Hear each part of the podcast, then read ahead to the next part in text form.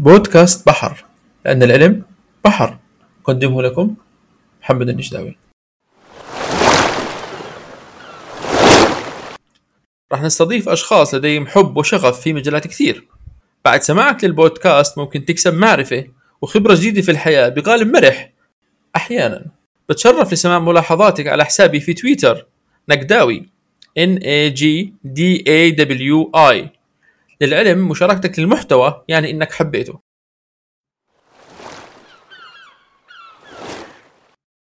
ضيفنا لهذه الحلقة هو المهندس معاذ الزعبي حاصل على درجة البكالوريوس في هندسة الطاقة المتجددة من الجامعة الألمانية الأردنية. بعدها أكمل دراسة الماجستير في إدارة الطاقة المتجددة من جامعة كولون التقنية في ألمانيا. اشتغل عدة سنوات في مجال الطاقة الشمسية في الأردن. وبعدها انتقل إلى ألمانيا وهو يعمل حاليا في شركة ألمانية متخصصة بمجال الطاقة الشمسية.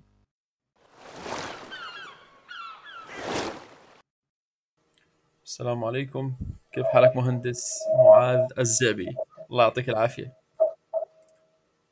وعليكم السلام ورحمة الله. الحمد لله. بخير. كيف الأجواء عندكم في ألمانيا؟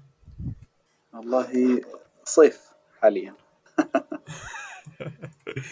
الآن بدي أبلش معك في البودكاست. بدي بدي استضفتك أنا اليوم حتى تحكي لنا عن الطاقة الخضراء أنت تعرف يعني أنت دارس في الموضوع وعندك خبرة جيدة فيه سواء خبرة نظرية وخبرة عملية. فأول أول مرحلة هي أو أول فقرة اللي هي بس بدي إياك تجاوب حسب وجهة نظرك بنعم أو لا. هاي فقرة سريعة بس مجرد يعني تحماية. يلا تمام. جاهز؟ جاهزين. السؤال الأول بدون تقنيات الطاقة الخضراء لن يكون هناك أقمار صناعية يعني لا نظام تحديد موقع ولا بث فضائي. صح. الألواح الشمسية نتاج تزاوج الكيمياء مع الفيزياء. صحيح. لا يمكن الاعتماد 100% على الطاقة الخضراء كمصدر مستقر للطاقة. صح. لا محالة سوف يأتي يوم ينتهي استخدام البترول كمصدر للطاقة. صح. الاحتباس الحراري هو كذب.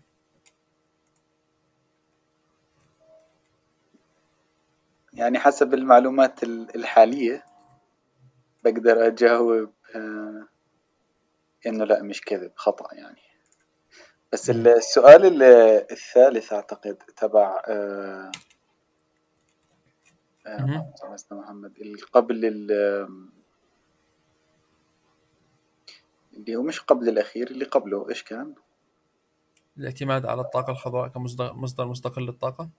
آه يعني بالظروف الحالية حسب التطور التكنولوجي الحالي بنقدر نحكي إنه حاليا ما بنقدر نعتمد بس آه، ال- الهدف من البحث العلمي يعني الجاري حاليا إنه نصير نقدر نعتمد في المستقبل بشكل كامل على الطاقة الخضراء.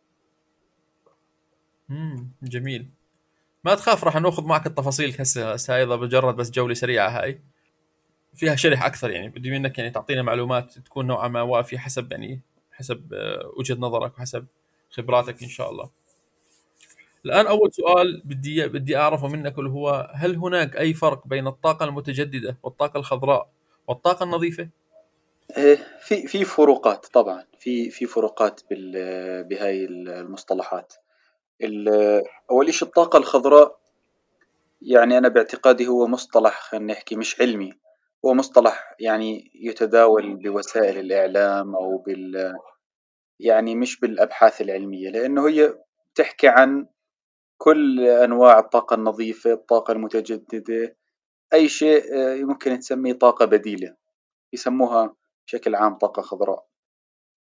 لكن المصطلحين ال- العلميين الآخرين اللي هم الطاقة النظيفة أو الطاقة اللي عندك كنت مسميها أنت مستدامة أو متجددة. متجددة.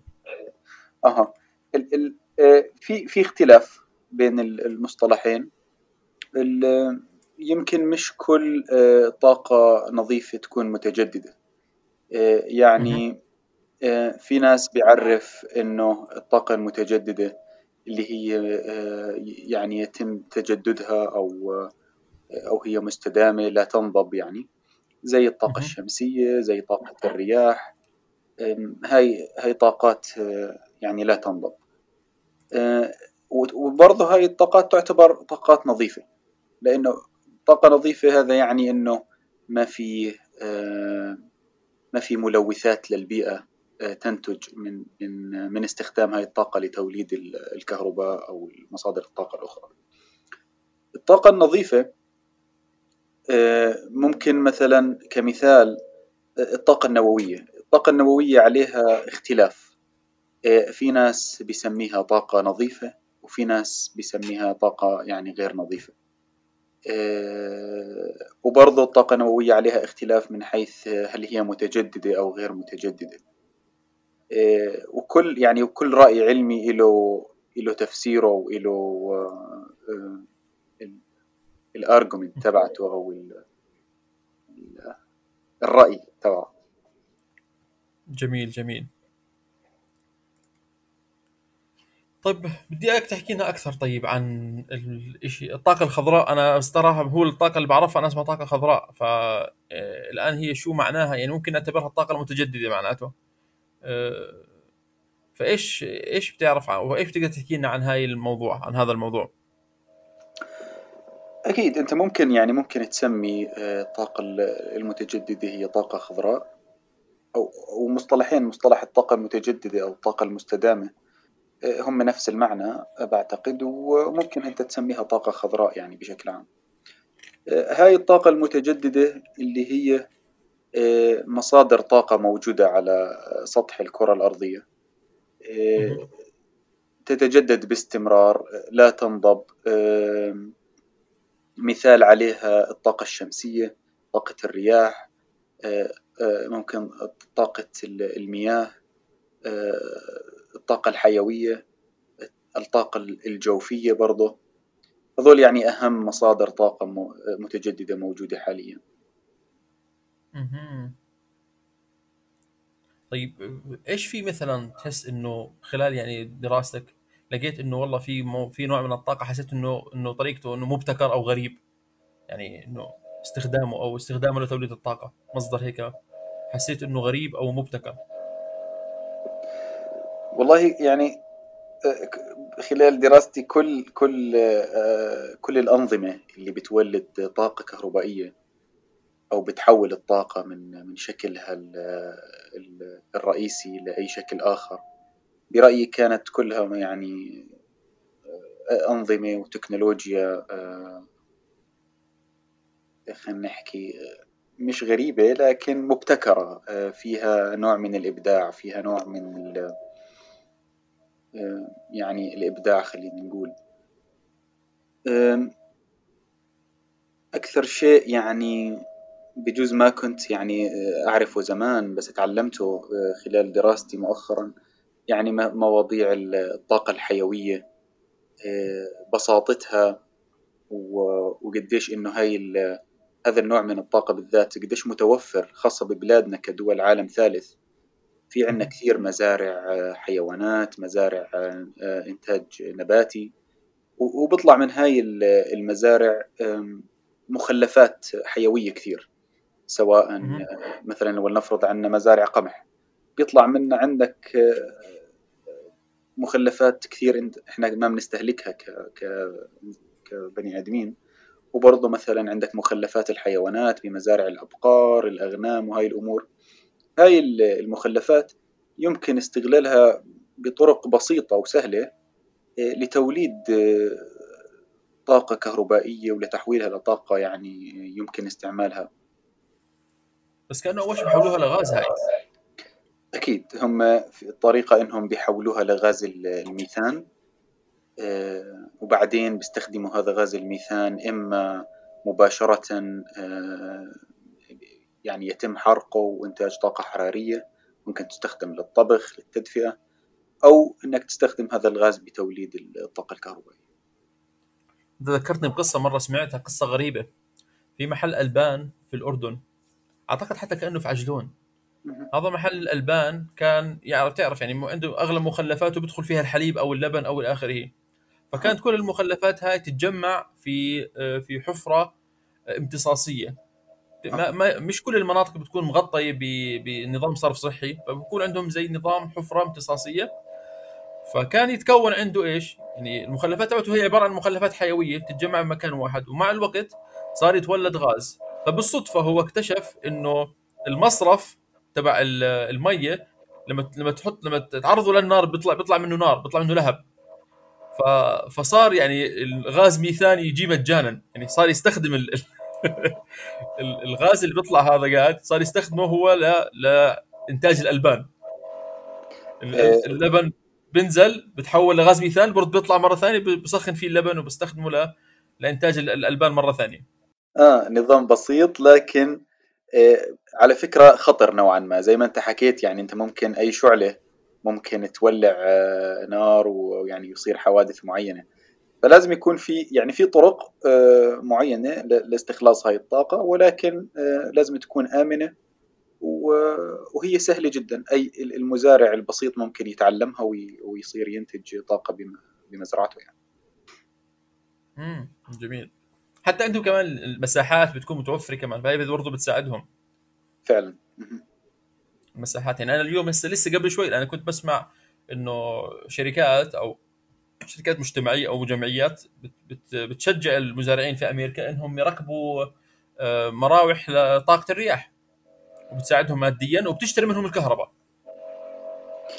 أه، صح هذا الحكي صحيح أصلا الطاقة المتجددة بالعالم بأي دولة إذا ما كان في يعني أه، إرادة سياسية أو توجه سياسي لدعم هاي أنظمة الطاقة المتجددة ما راح تكون موجودة أصلا. يعني لأنه مثال عندنا بالأردن لأنه لأنه كان صار في عندنا قانون طاقة متجددة آه، بال 2012 أو بال 2010 أول ما بلش. آه، من بعد هذا القانون آه، بلشت عندنا أنظمة الطاقة المتجددة تنتشر يعني بشكل واسع جدا.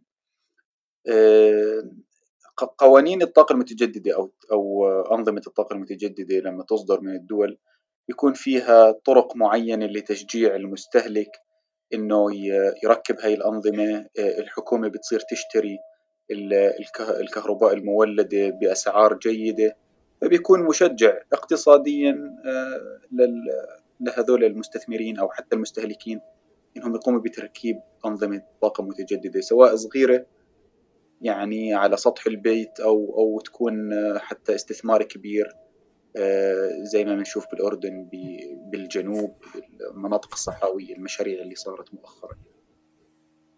بس سعر الطاقة بحس أنا حسب يعني حسب ما بسمع يعني إنه السعر اللي المتقدمه الحكومة أو المسعر يعني إنه أقل من سعر اللي, اللي بيشتروه. يعني أنت بتبيع الكهرباء اللي, اللي أنت بتنتجها أقل من السعر من السعر اللي أنت بتشتري فيه الكهرباء اللي بتجيك من من الشبكة.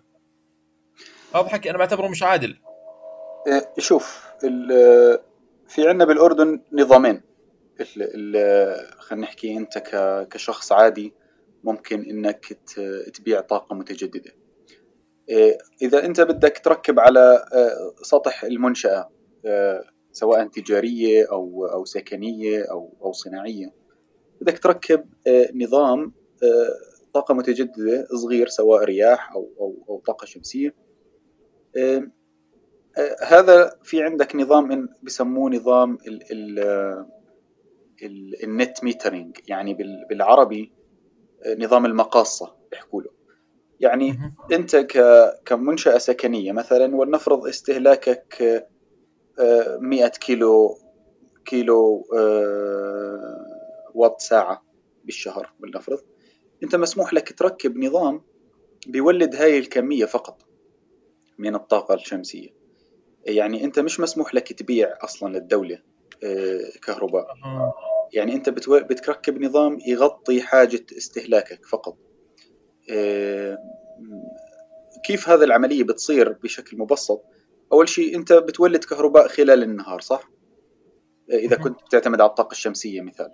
فالطاقه اللي أنت بتولدها بتستهلكها عندك في البيت مثلا. والطاقة الزائدة عن الحاجة بت يتم ضخها بالشبكة الكهربائية. بالليل بس تغيب الشمس انت بتاخذ من الشبكة الكهربائية كهرباء فبتصفي انه اللي ضخيته في النهار انت ممكن تسترجعه بالليل. طبعا ممكن مش مئة بمئة بالمئة يعني بس بآخر الشهر بتكون تقريبا تقريبا انت يعني ضخيت بالشبكة واستهلكت من الشبكة. بنفس الكمية. يعني إحنا بنقوم بتصميم النظام بحيث إنه على يعني إلى أقرب درجة تكون لا أنت ضخيت زيادة ولا استهلكت زيادة من الشبكة يعني المعيار خلينا نقول لحد 90% يعتبر يعتبر يعني ممتاز؟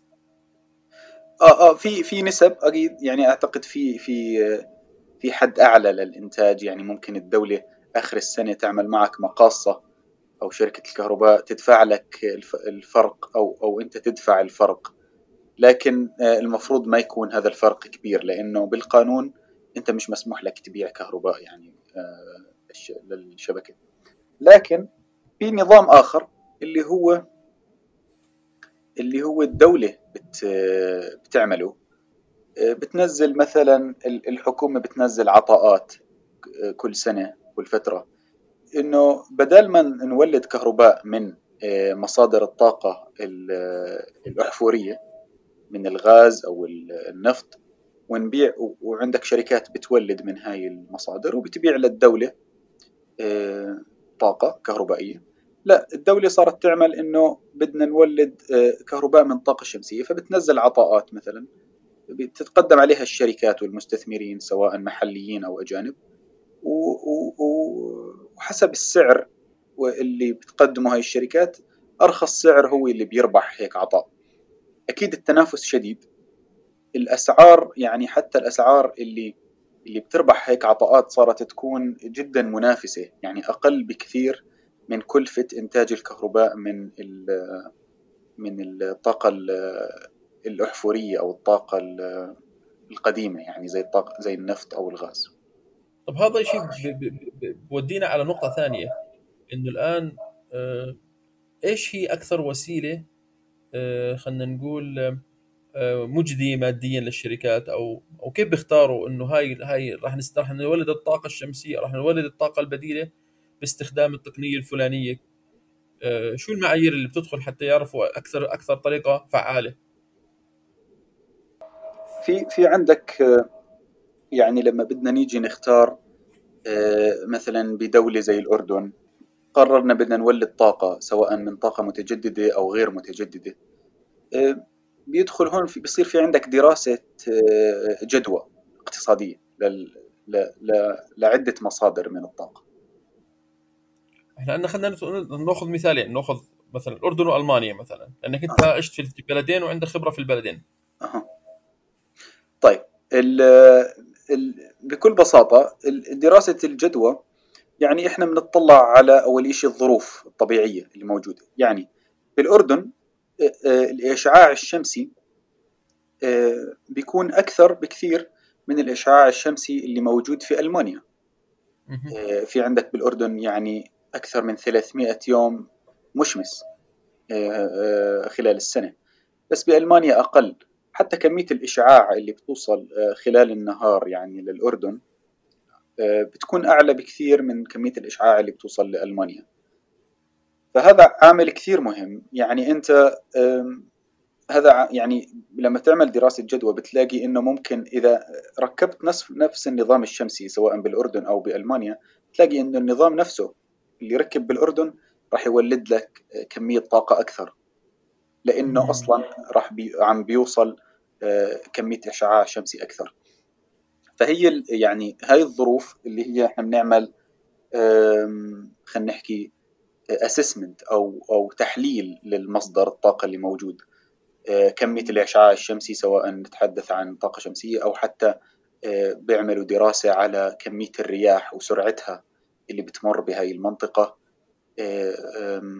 على مدار عشر سنين ماضية أو في بيانات معينة بيحللوها بناء عليه وبناء على الدراسة الاقتصادية أسعار سعر النظام الشمسي أو النظام الرياح آه، آه، الكمية الإنتاج الكهربائي اللي راح يولده سواء النظام الشمسي أو نظام الرياح بهاي المنطقة بالذات. آه، بناء عليه بتلاقي إيش أك أحسن نظام أنت ممكن آه، تركبه بهاي المنطقة. ممتاز جميل جميل. يعني هو خلينا نقول أشهر نظامين اللي لاحظته أنا اللي هي نظام الطاقة الشمسية وطاقة الرياح. يعني خلينا نقول هن الترند أو هن اللي عليه هن الحركة أكثر شيء. بعرفش هل هن هذول برضو المصادر هن الأكثر بحثا؟ في المجال البحثي لو أخذنا الموضوع شوي من جانب بحثي. هل إنه الأبحاث كلها في في هذول المواضيع ولا في مواضيع ثانية الآن في في تركيز من ناحيه من ناحية المجتمع البحثي عليها؟ آه، يعني اللي انت حكيته انه انظمه الطاقة الشمسية والرياح الاكثر انتشارا في الأردن هذا الحكي صحيح فعلا. آه، إحنا أصلا في الأردن آه، يعني ما عندنا طاقة متجددة إلا يعني بشكل تجاري خلينا نقول لتوليد الطاقة وبيعها للدولة. في عندك طاقة الرياح والطاقة الشمسية فقط. لكن بالعالم كله أكثر شيء مستخدم بالطاقة المتجددة هي طاقة المياه ال hydropower هي الأكثر استخداما يعني أصلا لا تقارن يعني طاقة الرياح والطاقة الشمسية بكمية طاقة المياه الموجودة بالعالم. الأردن ما في لأنه ما عندنا أنهار ما عندنا مصادر مياه ما عندنا بس بالعالم آه، بشكل عام هذا اللي مستخدم. آه، البحث العلمي لأنه طاقة المياه موجودة من زمان فهي ممكن تحكي عنها تكنولوجيا يعني مثبتة علميا يعني ابروفد آه، ناضجة كمان. ناضجة تماما. يعني ما في في, في أبحاث دائما أكيد لكن طريقة توليد الكهرباء طريقة تحويل الطاقة آه، علوم مثبتة بصفي دائما بصفي في في تطوير بموضوع ال الأجزاء المستخدمة التوربينات وهاي الأمور المولدات. هلأ لما بنحكي عن إيش الأكثر شيء حاليا يعني موجود بالبحث العلمي؟ أكيد طاقة الطاقة الشمسية دائما في في تطوير على الألواح الشمسية والخلايا الشمسية والمواد المستخدمة ورفع كفاءتها. طاقة الرياح برضو يعني في أبحاث دائما بتكون على الموضوع. الطاقة الجوفية برضو بعتقد في في دائما تطوير في مع إني أنا يعني مش كثير مطلع على الأنواع الأخرى يعني ما اشتغلت فيها بس بشوف إنه دائما بالبحث العلمي هاي العلوم لسه في مجال إنه العلم يضيف على على هاي المصادر المتجددة. ممتاز. الآن في عندي بدي أنتقل معك لنقطة ثانية شوي نروح الجانب الاقتصادي الآن. الآن بالنسبة لألمانيا الالمان تعرف تعتبر من الدول المتقدمة جدا في مجال الصناعة أو تقنيات الطاقة المتجددة. آه، من الدول الرائدة يعني. لما تحكي ألمانيا فبيجي على بالك الحزب الخضر. جماعة هم الحزب الحاكم أو الحزب الحزب القوي اللي هو بيهتم في البيئة. فأكيد هذا الشيء. وطبعا بتعرف الشركات الشركات الألمانية شركات ناضجة زي سيمنز زي آه، الشركات الثانية. يعني شركات لها باع طويل في في في مجال التقنية. وفي مجال برضه آه، إنتاج التقنيات الحديثة المرتبطة في آه، في الطاقة النظيفة أو الطاقة الخضراء. فهذا الشيء كيف أثر على الاقتصاد؟ كيف استفادت ألمانيا من هذا من هذا التطور؟ شوف هو سؤال صعب إني أقيم يعني بالضبط الأثر الاقتصادي لكن آه، بما إنه هاي التكنولوجيا ألمانيا من الدول الرائدة فيها من حيث البحث والتطوير والإنتاج. آه، أكيد أثرت على على الاقتصاد الألماني. يعني حتى لما أشوف بأوروبا آه، لما تشوف الشركات اللي بتشتغل بتركيب هاي الأنظمة سواء طاقة شمسية أو رياح تلاقي إنه يعني ألمانيا مقارنة بالدول المجاورة هي فيها الشركات الأكثر. دائما. فهذا الحكي أكيد بيخلي إنه آه، بيأثر على الاقتصاد بيضيف بيضيف مدخولات خلينا نقول للاقتصاد الألماني حتى بمناطقنا بمناطق الشرق الأوسط وشمال إفريقيا يعني. آه، بتلاقي إنه الشركات اللي بتنفذ مشاريع كبيرة آه، بهذا المجال هي أصلا شركات يعني عالمية وأغلبها بيكون مثلا من من ألمانيا. فمن هاي الناحية أكيد هذا له أثر إيجابي كثير على الاقتصاد الألماني. لكن صراحة يعني إذا بدنا نحكي الأثر الأكبر وين أنا بشوف بالصين الأثر. لأنه الصين دولة مصنعة لهاي المكونات خلينا نقول اللي إحنا بنستخدمها بتوليد الطاقة الشمسية أو طاقة الرياح. هي هي مصنعة أكثر من ألمانيا. ألمانيا حاليا ما بتصنع يمكن لكن بتعمل البحث والتطوير يعني هي عندها التكنولوجيا نفسها. البراند. بالضبط. لكن التصنيع الأكبر بالصين فحتى أي أي أي ألواح شمسية حاليا مستخدمة بألمانيا على الأغلب هي أصلا صناعة الصين يعني. يعني حتى ألمانيا بتستورد من الصين؟ حتى ألمانيا نعم بتستورد بالصين. حاليا أعتقد يعني بألمانيا إذا بنحكي عن طاقة شمسية زمان كان في مصانع للألواح الشمسية. لكن حاليا يمكن يمكن في مصنع أو مصنعين يعني حسب علمي. كل كل الألواح المستخدمة حاليا يعني تصدر من الصين أو تستورد من الصين. يمكن عشان برضو قدرة الإنتاج أو إمكانية غاد التصنيع بسعر أقل في الصين. فلو صنعوا بألمانيا يمكن ما تكون منافسة الأسعار تبعتهم. أكيد هو السبب بالنهاية فعلا هي الأسعار سبب الكلف يعني كلف التصنيع. بس آه، يعني سبحان الله مع إنه آه، يعني الآن فاجأتني بالمعلومة هاي صراحة إنه أنا توقعت الالمانيا بتصنع صراحة. بس مع ذلك يا أخي إنه بتظلها يعني لما تشوف المنتجات الطاقة منتجات الطاقة الشمسية لما تشوف على على يعني على الوسائل على يعني على على الأخبار على كذا بتلاقي إنه بتكون علامات تجارية ألمانية بس يمكن بتتصنع بخارج بتتصنع خارج ألمانيا ولكن هي بالنهاية بتحمل العلامات اليابانية الألمانية sorry زي سيمنز أو أو الشركات أو General Electric لما نحكي عن شوف لما نحكي عن أنظمة طاقة شمسية في أكثر من مكونات في أكثر من مكون آه، يتم يعني تركيبه في المشروع لتوليد الطاقة الشمسية. آه، يمكن 60% من حجم المشروع آه، يكون هو الألواح الشمسية. هي يعني تأخذ نصيب الأسد من من من كلفة المشروع. بعدين في عندك يمكن 10% شيء بنحكي له محول أو انفرتر آه، أكيد ألمانيا هي الدولة الأولى يمكن بتصنيع هاي المحولات. أها. آه، لأنه هاي يعني خلينا نقول هي تكنولوجيا أعقد شوي من الألواح الشمسية. المحولات فيها فيها تعقيد أكثر. في عندك شركات يعني إذا بدنا نذكر زي SMA زي اي بي بي اي بي بي إيطالية مش ألمانية. فبتلاقي إنه آه، المحولات هاي آه، مصنعة بأوروبا أكثر. آه، الصين بلشت تصنع. بلش يطلع في عندك أسماء بتنافس هاي المنتجات الأوروبية. يعني يمكن يمكن لقدام شوي بعد عشر سنين نلاقي إنه لسه الصين اكتسحت برضه حتى هذا المجال يعني عرفت؟ لكن طيب إحنا وين طيب؟ إحنا شوف آه، أول ما بلشت شغل بهذا المجال بال 2014 كنت آه، تدربت بغرفة صناعة الأردن. وكان من أهم الشغلات اللي شفتها بهذاك الوقت دراسة عملتها ال USAID أو بدعم من ال USAID لكن عملوها يعني باحثين أردنيين. كانت هاي الدراسة بتشوف كان هدفها إنه تشوف هل المصانع الأردنية آه، قادرة.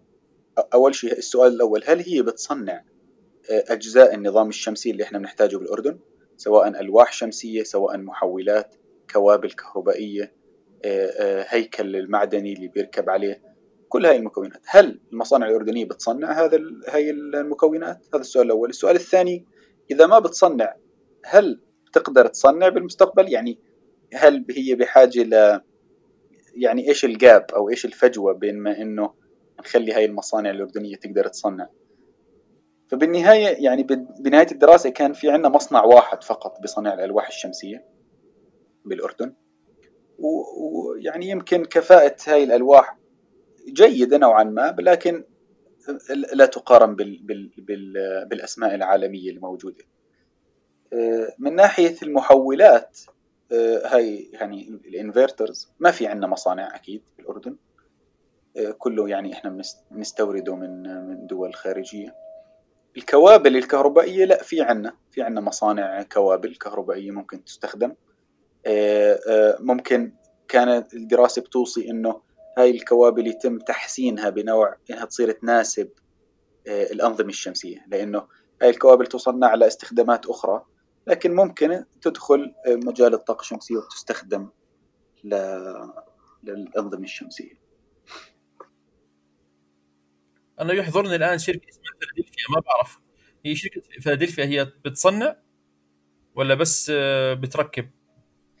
فيلادلفيا بتصنع لكن بتصنع كلمة شوي آه، واسعة. أو بتجمع. بتجمع, بتجمع خلينا بالضبط. يعني فيلادلفيا آه، مصنع أردني طبعا آه، بيشتري اللوح الشمسي أو ال solar module أو اللوح الشمسي هو بيكون من خلايا شمسية solar cells التكنولوجيا داخل ال solar cell اللي هي بتصنع من مواد شبه موصلة. زي السيليكون زي آه، في مواد كثير ممكن تستخدم. المصنع فيلادلفيا بيستورد هاي الخلايا من مصانع آه، من برا الأردن وهو بيجمع هاي الخلايا وبيعمل ألواح شمسية اللي تستخدم في المشاريع. يعني هذا اللي بيقوم فيه تقوم فيه فيلادلفيا. وبرضه فيلادلفيا بجانب المصنع اللي عندهم هم برضه يعني خلينا نقول مقاول يعني هو contractor بيقوم بتركيب مشاريع. يعني آه، بالأردن. بس ما في يعني ما في, ما في مصانع قصدك إنه مصانع إنه بتصنع الخلايا من الصفر؟ ما في. لا لا لا ما في. بالوطن العربي كله ما في. يعني حتى كنت بالكويت السنة الماضية برضه في مصنع يشبه مصنع فيلادلفيا اللي هو بيقوم بتجميع برضه بالنهاية. يعني أما مصنع يقوم بصناعة الخلية الشمسية من الصفر من المواد الخام ما في له. أها. هاي معلومة كويسة. بس والله أنا هذا النقطة يعني لا أخفيك يعني إنه إنه كيف الواحد فعلا إنه آه، إنه إحنا بلادنا بلاد العربية سواء دول الخليج سواء الأردن آه، الشرق الأوسط حتى بشكل عام إنه إحنا يعني آه، عندنا طاقة شمسية هائلة.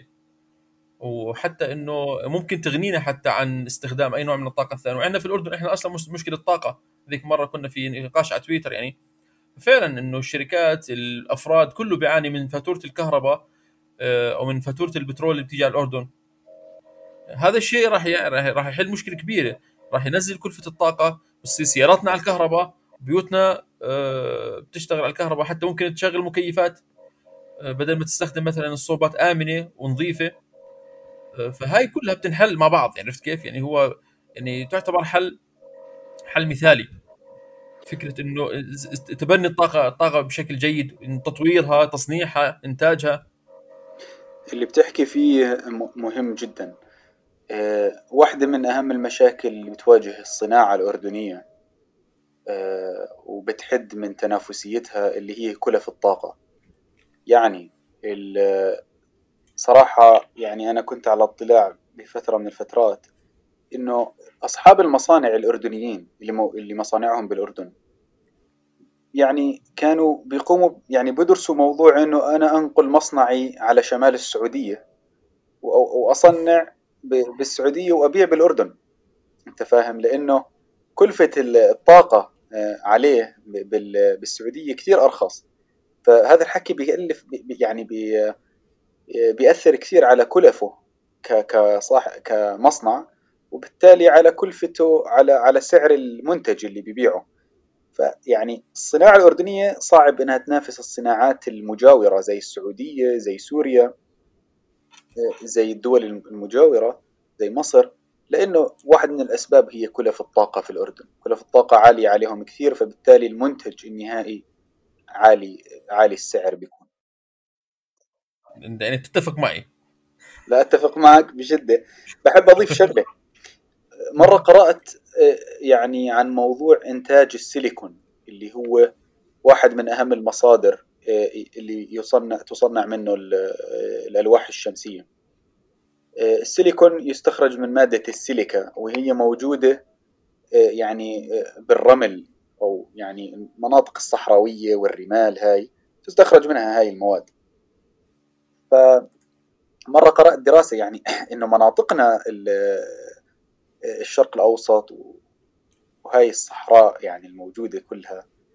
يعني يعني فيها كميات كبيرة من هاي المواد اللي يعني مهمة جدا. السيليكون على فكرة مش بس بالطاقة الشمسية هو يعني يستخدم حتى في في تصنيع ال hardware لل computers وال والتليفونات كل ال processors اللي اللي تستخدم أعتقد تصنع من السيليكون يعني. أشباه الموصلات بشكل عام. أشباه الموصلات بشكل عام. فهاي يعني يعني أهميتها كبيرة حاليا وبالمستقبل يعني بيقول لك حتى راح يكون لها أهمية لسه أكبر. لكن بال يعني بمناطقنا ما بع ما سمعت إنه في مصانع تستخرج هاي المواد أو بتصنعها أو أو تستفيد منها يعني كما كمواد خام. حلو. الآن زي ما لما نحكي إحنا عن طاقة شمسية طاقة رياح كل أغلب أنواع الطاقة الطاقة الخضراء أو الطاقة المتجددة هي بتكون عادة على شكل كهرباء. والكهرباء عادة تخزن في البطاريات. طبعا الطاقة الطاقة الطاقة الخضراء هي مفيدة للبيئة أو بتحافظ على البيئة. آه، البطاريات آه، كثير خطرة على البيئة. فكيف إحنا الآن بدنا نستخدم الطاقة الكهربائية والطاقه المتجدده والبطاريات بشكل متوازن بحيث إنه ما يصير في ضرر على البيئة؟ هو شوف يعني شوي هذا السؤال يعني ممتاز بس بدون يعني بيخليني أفكر بأكثر من من من من محور يعني. يعني مثلا مثلا أنت فكر بالسيارات مثلا. السيارات الكهربائية الآن بيحكوا لك سيارات كهربائية والكل بيمدح فيها وفي أوروبا ما شاء الله انتشرت زي شركة تسلا وإلى آخره. لأنه بيقول لك هاي سيارات كويسة للبيئة. طيب ماشي طب ما هو البطارية. هي البطارية كلها مواد يعني مواد كثير خطرة. صح. الفكرة أول شيء أصلا يعني محمد لما بدك تفكر بالطاقة الشمسية أو طاقة الرياح آه، آه، فعلا هي آه، ما بتولد أي أي غازات أي ثاني أكسيد الكربون بيأثر على البيئة ابدا ما في. لكن أصلا توليد أو أو تصنيع هاي الألواح الشمسية تصنيع هاي المولدات الرياح يعني عملية التصنيع نفسها تحتاج طاقة كثير. وعلى الأغلب المصانع هاي آه، شغالة على على مصادر طاقة غير متجددة يعني. هذا هاي جانب ثاني هذا. بالضبط. يعني هو بال يعني بالنهاية ليش بحكي هذا المثال؟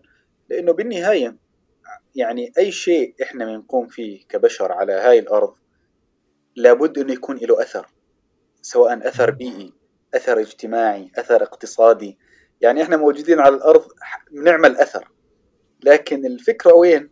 إنك تدرس هذا الأثر تقنن الأثر السلبي تزيد الأثر الإيجابي بطرق كثير. يعني هذا المبدأ العام خلينا نقول.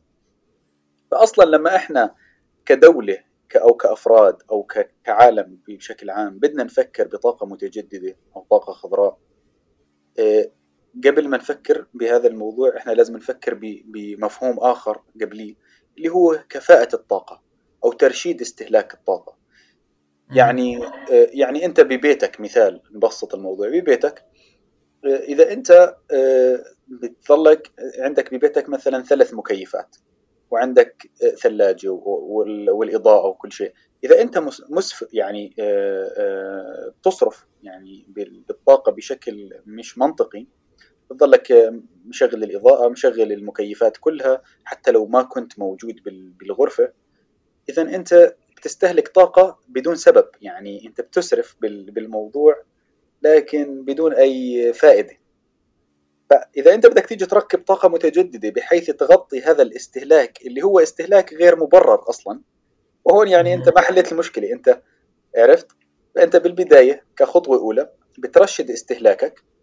آه، آه، ممكن تعزل آه، جدران البيت بحيث أنك تحافظ على الطاقة لدخل البيت وهي الأمور. بعدين تركب نظام طاقة متجدده نرجع للسؤال تبعك اللي هو البطاريات والطاقة الخضراء. أكيد بدك تعمل توازنات بالموضوع. السيارات اللي بتشتغل على الطاقة غير متجددة على الديزل والبنزين لها أثر بيئي أكيد. السيارات اللي بتشتغل حاليا على الكهرباء وفيها بطاريات كمان إلها أثر بيئي مية بالمية. لكن آه، يمكن الأثر البيئي تبع السيارات اللي بتشتغل على الكهرباء وفيها بطاريات يمكن أقل. برضه في عنا موضوع البطاريات. البطاريات في كثير مواد تستخدم في تصنيع البطاريات. في عندك بطاريات ال- الليد أسيد في عندك يعني مواد كيميائية مختلفة تستخدم. البط... ال- في بطاريات ال- ب- في عندك مفهوم اسمه ال recyclable rate مهم. معدل إعادة ال- التصنيع أو إعادة الاستخدام. بالبطارية في أنواع من البطاريات هذا المعدل عالي جدا يعني 99% يعني أنت هاي البطارية إيه، لما تستخدمها عشر سنوات مثلا عمر البطارية. بعد العشر سنوات هاي البطارية يعني آه، يمكن آه، إعادة تصنيعها مرة أخرى. فالأثر البيئي تاعها محدود جدا. في بطاريات لا زي الليثيوم أيون اللي هي مستخدمة بكثرة أصلا بال- بالسيارات.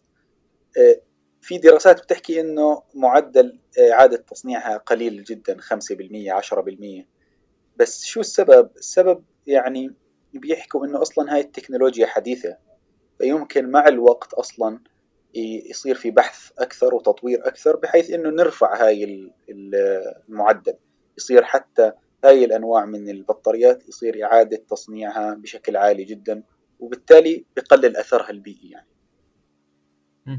جميل. يعني هو فعلا صحيح. إذا قدرنا إحنا نعيد استخدام البطارية فهيك إحنا بنكون يعني آه يعني خلينا نقول هم أو ضعفنا هذا العامل عامل الأثر. إنه إنه فعلا إنه حتى أنا بالنسبة لي أعتقد يعني إنه ترمي البطارية سواء بطارية السيارة أو بطارية الموبايل أو أي نوع من البطاريه ترميها في ال- في الزبالة بدون إعادة بدون إعادة تدوير يعني هاي لازم تكون جريمة.